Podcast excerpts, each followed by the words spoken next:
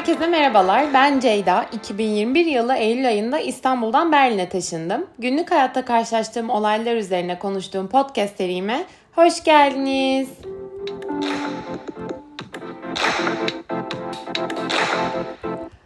Bugün sizlerle önemli bir devlet politikasını konuşacağım. Konumuz sürdürülebilirlik. Bakalım bu iş Almanya'da nasıl ilerliyor? Aslında e, hani tabii ki bu işin çok ayağı var. İşte çöp ayrıştırmadan fabrikaların uyması gereken kurallara, hangi enerji kaynağının önceliklendirilmesi ve kullanılması için e, teşvik edilmesine e, ya da toplu taşımaya. E, yani bir bölümden hepsinden bahsetmek mümkün olmayabilir. O yüzden belki değinemediğim konularla başka bir bölüm de yapabilirim. Ama ben şimdi en çok e, çöplerden ve geri dönüşümden bahsetmek istediğim için onunla başlayacağım. Bakalım neler kalacak konuşmadığımız. Tabii ki konuya karar verince hemen araştırma yapmaya başladım. Zaten devletin kendi sayfalarında sürdürülebilirlik amaçları ve stratejilerini okuyabiliyorsunuz hemen. Ee, Almanya en sürdürülebilir sanayi devletlerinden biri diye giriyorlar konuya. Hakikaten bayağı da bir şey yapıyorlar e, gördüğüm üzere. Hani baktım Avrupa içerisinde Almanya'nın kişi başı çöp üretme oranını çünkü hani çöp ve geri dönüşüme odaklanacağım diye. O da aslında bayağı ortalama. Yani asla en çok e, çöp üreten Avrupa ülkelerinden biri değil Almanya. Yani hakikaten istatistiksel olarak Almanya e, bazı konularda bu işi beceriyor gibi. E, dediğim gibi ben şimdi daha vatandaş seviyesindeki politikalardan bahsederek başlayacağım ve hani çöplerden geri dönüşümden gireceğim konuya. İlk olarak şişelerdeki depozito sistemini anlatmak istiyorum. Çünkü burada marketten aldığın neredeyse her içecek şişesi için depozito ödüyorsunuz. Su, işte bazı meyve suları ve alkol şişelerin çoğunda plastik veya cam fark etmeksizin hani farklılaşsa da bir miktar depozito var. Ve siz bu şişeyi geri götürünce paranızı geri alıyorsunuz. Mesela o yüzden ben evde ee, bir poşette ya bir, bir köşede biriktiriyorum şişeleri. Sonra markete giderken alıyorum onları yanıma. Alışverişe başlamadan önce e, marketin içindeki makineye tek tek koyuyorum. Ve bana bir fiş veriyor tüm depozitoların toplam e, işte miktarını gösteren. Diyelim ki her şey 2 euro etti. Ben alışverişimi yapıyorum ve kasada o 2 euroluk fişi gösteriyorum, veriyorum. Ve 2 euroyu benim hesabımdan işte faturamdan kesiyorlar fişimden. Ee, daha az ödemiş oluyorum. Şimdi e, karşılığında para olduğu için kimse neredeyse bu şişelerin çöpe atmıyor. Ee, yani evde asla atmıyor. Ama diyelim ki dışarıdasın, parkta bira içtin ve hani 3 tane cam şişen e, oldu. Şişeni eve taşımaya da üşendin. Yani tabii ki 3-5 saat için e, kimseye yeterli gelmiyor yani o kadar para eve sırtında 3 tane atıyorum cam şişe taşımaya yeterli değil yani. E, o zaman bizim Türkiye'deki e, gibi kağıt toplayıcılar var buranın diyebiliriz. Yani en azından benzer bir çözümü var e, demek daha doğru olur. Parklarda genelde de e, hani evsizler bu boş şeyleri topluyorlar, e, biriktiriyorlar ve sonra e, marketlere götürüyorlar. Ve bunlardan aldıkları depozitoyla da marketten kendilerine alışveriş yapıyorlar. Yani nasıl Türkiye'de kağıt toplayan insanların sayesinde bayağı geri dönüşüm yapılıyorsa burada da işte bu çoğu evsiz olan insanlar sayesinde park bahçede şişeler birikmiyor ve geri dönüşüme gönderilmiş oluyor. Yani aslında bu şişe depozito sistemi bayağı bir işliyor burada ve bence işe yarıyor. Yani o yüzden ben iyi bir sistem olduğunu düşünüyorum açıkçası. Şimdi e, evde yaptığımız geri dönüşüme gelecek olursak burada e, geri dönüşüm büyük konu. Evdeki her çöp ayrıştırılıyor. Ve hatta buraya yeni gelenler işte göçmenler geri dönüşümü e, çözmek için biraz mesai harcamak harcamaları gerekiyor. O yüzden işte sürekli bu göçmen e, toplulukları vesaire sosyal medyada postlar yapıyor. Hangi renk çöp kutusuna ne çöp atılır diye. E, ve böyle bizdeki işte yani apartmanların genelde Avrupalarında birkaç farklı çöp kutusu oluyor. Sarı, siyah, kahve gibi renklerle kodlanmış. Hani her apartmanın her çöpü işte özellikle işte cam çöpü, çöp kutusu olmayabiliyor. O zaman onları biriktirip cam kutusuna götürmek gerekiyor. Ama mesela hani cam da renkli cam, beyaz cam e, ve hatta kahve cam diye ayrılıyor. Hani renklerine göre ayırıyorsun. Yani bizde bizde öyle mi bilmiyorum. Bize sanırım her camı tek bir kutuya atıyorsun diye hatırlıyorum emin olmamakla birlikte. Ama yani e, dediğim gibi hani insanların alışması bir e, süre alıyor. Yani neden zor anlamak bu geri dönüşüm kurallarını? Peki yani çok kolay olması lazım aslında. Ama e, burada hani bu iş birazcık daha incelikli ilerliyor. Birazcık örnek vereyim e, anlamak daha kolay olsun. Mesela e, yoğurt kutusu plastik deyip e, sarı renk olan plastik geri dönüşümü atamıyorsunuz hemen. E, diyelim etrafında kağıt sarılı onu ayırıp atmanız gerekebiliyor. Ama e, mesela işte karton süt kutuları mesela kartona değil plastiğe atılıyor. E, yine e, yani onlar da karton gözükmesine rağmen dışı plastiklerin atıldığı sarı çöp kutusuna gidiyor. Fişler faturalar da kağıda değil ayrıştırılamayan çöplerin ait olduğu gri ya da siyah çöp kutularına atılıyor. Ya da diyelim pizza söylediniz eve karton kutuda geldi. Normalde yeri mavi çöp kutusu. E, çünkü kağıt grubunda. Ama mesela çok yağlı, yağlandıysa onu oraya atamıyoruz. E, organik atıklar da ayrılıyor. Onun için de tabii ki e, plastik çöp poşeti kullanmak olmaz. Onun için kağıt çöp poşeti alıyorsunuz. Organik çöp onda biriktiriyorsunuz. Ve e, kahverengi çöp kutusuna atıyorsunuz. Bu arada e, bu kurallar şehre göre farklılaşabiliyor. Ama bu kadar farklı çöp kategorisi olunca sizin de evde birden fazla çöpünüz olması gerekiyor. İşte organiği plastik, kağıt, cam ve hani geriye kalanlar.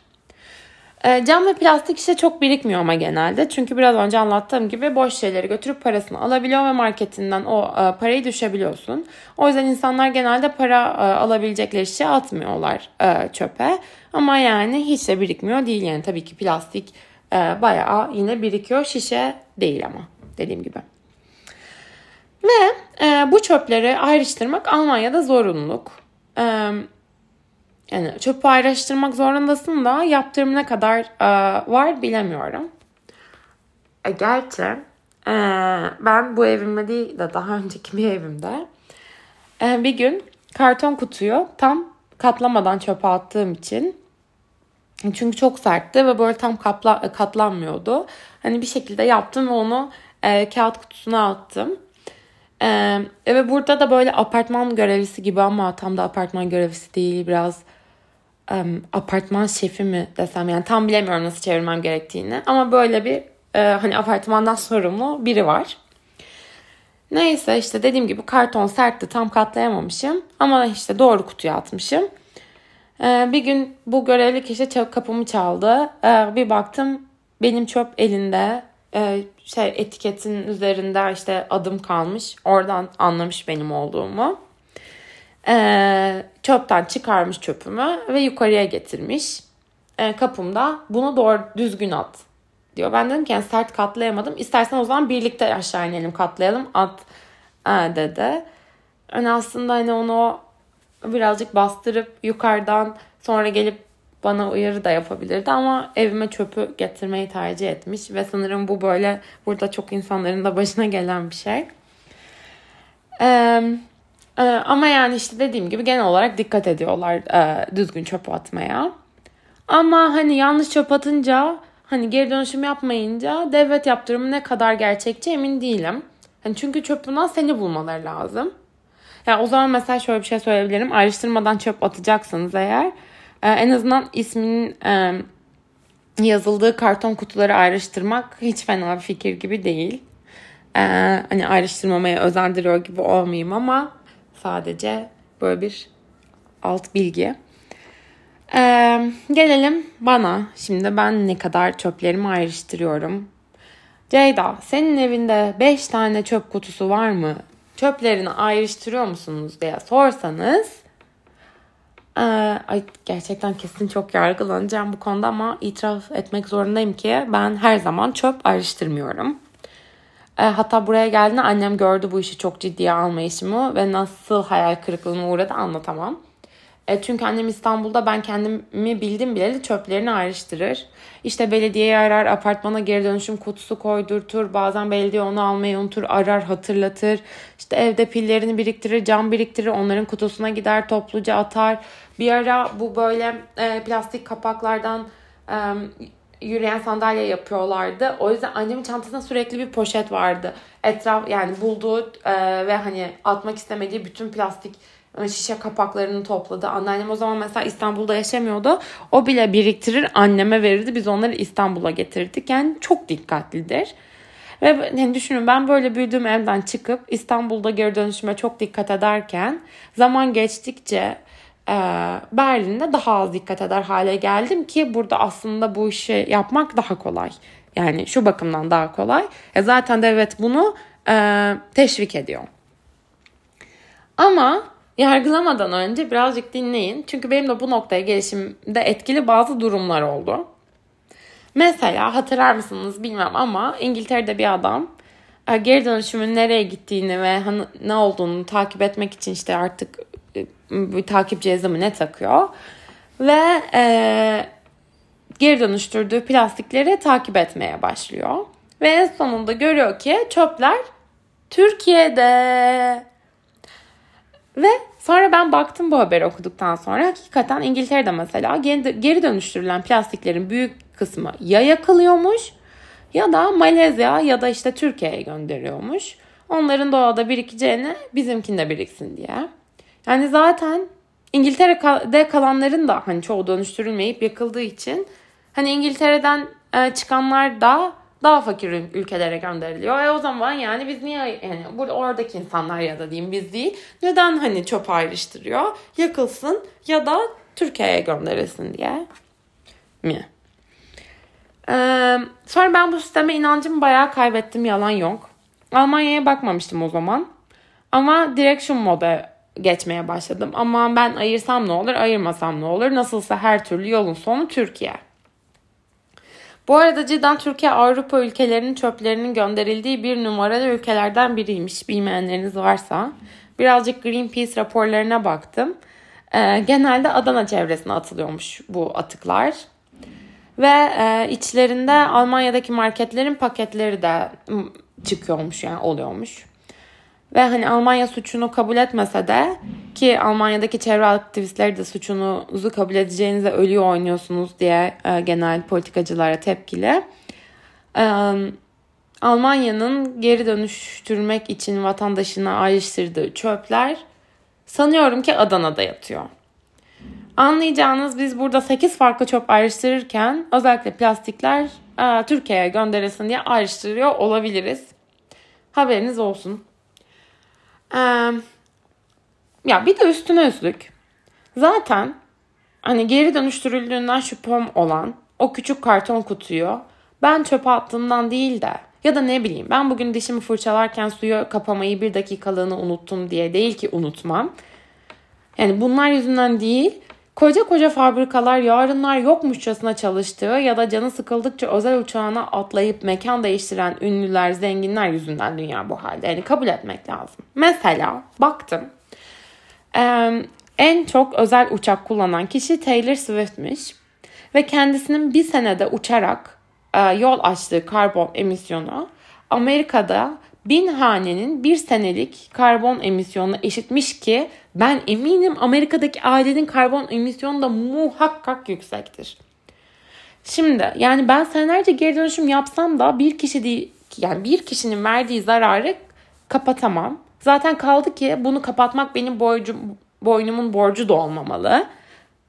Ee, yani bu mesela Taylor Swift'in sorumluluğu olmalı. Ya yani ben bu tavıra çok karşıyım. Dünyayı kurtarmak sanki vatandaşa kaldı. E, hani ben mi dünyayı bu hale getirdim? Ya mesela başka bir istatistik bilgi hemen size. Karbon emisyonunun %65 gibi bir oranından dünyanın en zengin %10'luk kısmı sorumluymuş. Yani şimdi benim payıma düşen yüzdeliğe bir bakın. Ya bu arada lütfen yanlış anlaşılmasın. Hani ben tabii ki herkes üstüne düşeni yapsın. Hani dünyamızı korusun ama acaba bu sorumluluk bizim yerimize bu %10'luk kısma daha çok yüklense daha mantıklı olurdu diye düşünüyorum. Hani mesela özel jet yasaklansa acaba etkisi nasıl olurdu? Ya da fabrikalar gereğince denetlense neler değişirdi? Hani bu sorumluluk bireylerin üzerine yüklenip sonra da hani bir de vicdan azabı çektirilmese insanlara daimi olarak dünya bizim yüzümüzden bu hale geldi diye. Hani çünkü dünyanın bu halde olmasının sebebi bizden çok o çok çok küçük bir hani kısmın ya o popülasyonun suçu ve hani o grup vicdan azabı çekmeden aynı şekilde e, yaşamaya devam edebiliyor ya. Hani biz edemiyoruz ama. Ya tabii ki te- dediğim gibi tekrardan hani kimseye geri dönüşüm yapmayın demiyorum yanlış anlamayın. Hani giderden yağ dökün her yeri çöp yapalım suyu yarınlar yokmuşçasına kullanalım demek için anlatmıyorum bunları. Hani sadece asıl aksiyon alması gereken biz değiliz. Dünyanın halinden de bu e, biz sorumlu değiliz. E çünkü bilmiyorum yani benim atıklarını hunharca filtrelemeden atan, dünyaya salan fabrikalarım, sürekli kullandığım jetlerim yok. Sadece e, yani bu sorumluluğun asıl yüklenmesi gereken kişilerin kim olduğunu hatırlatmak istiyorum. Bir de yani işte ne bileyim ben eskiden ya da ilk Berlin'e taşındığımda bu kadar bu işi ciddi alırken neden şimdi her zaman aynı özen ve emeği göstermediğimi de anlatmak istiyorum. Hani beni neler de motive ediyor. Hani çünkü ben geri dönüşümden şüphe duydukça yani tüm plastik bizim ülkede biriktikçe ve isteyen yarım saatlik uçuş mesafesine bile yolcu uçağı yerine ya da işte tren yerine e, özel uçağıyla gidebildiği sürece de sanırım eski özenimi e, gösteremeyeceğim. Yani içimde o e, enerjiyi bulamayacağım. Çünkü dediğim gibi hani e, çok inanamıyorum bu sisteme. Hani ve bazılarının bu tavrıma kızacağını hatta hayal kırıklığına bile uğrayacağını biliyorum. Ama yani arkadaşlar zaten geri dönüştürülmeyip daha fakir ülkelerin doğasına atılacaksa ne anlamı var diye de soruyor insan kendi kendine. Bayağı uzattım lafı. Sadece de çok konuşmuş olduk. Oysa ki işte ikinci el kıyafetlerden, bit pazarlarından e, da bahsedebilirim diye düşünüyordum. Hatta e, toplu taşımadan. E, çünkü aslında bu burada iyi bir politika. Belki başka bölme diyelim o zaman. Umarım dinlemekten keyif almışsınızdır. Takipte kalın.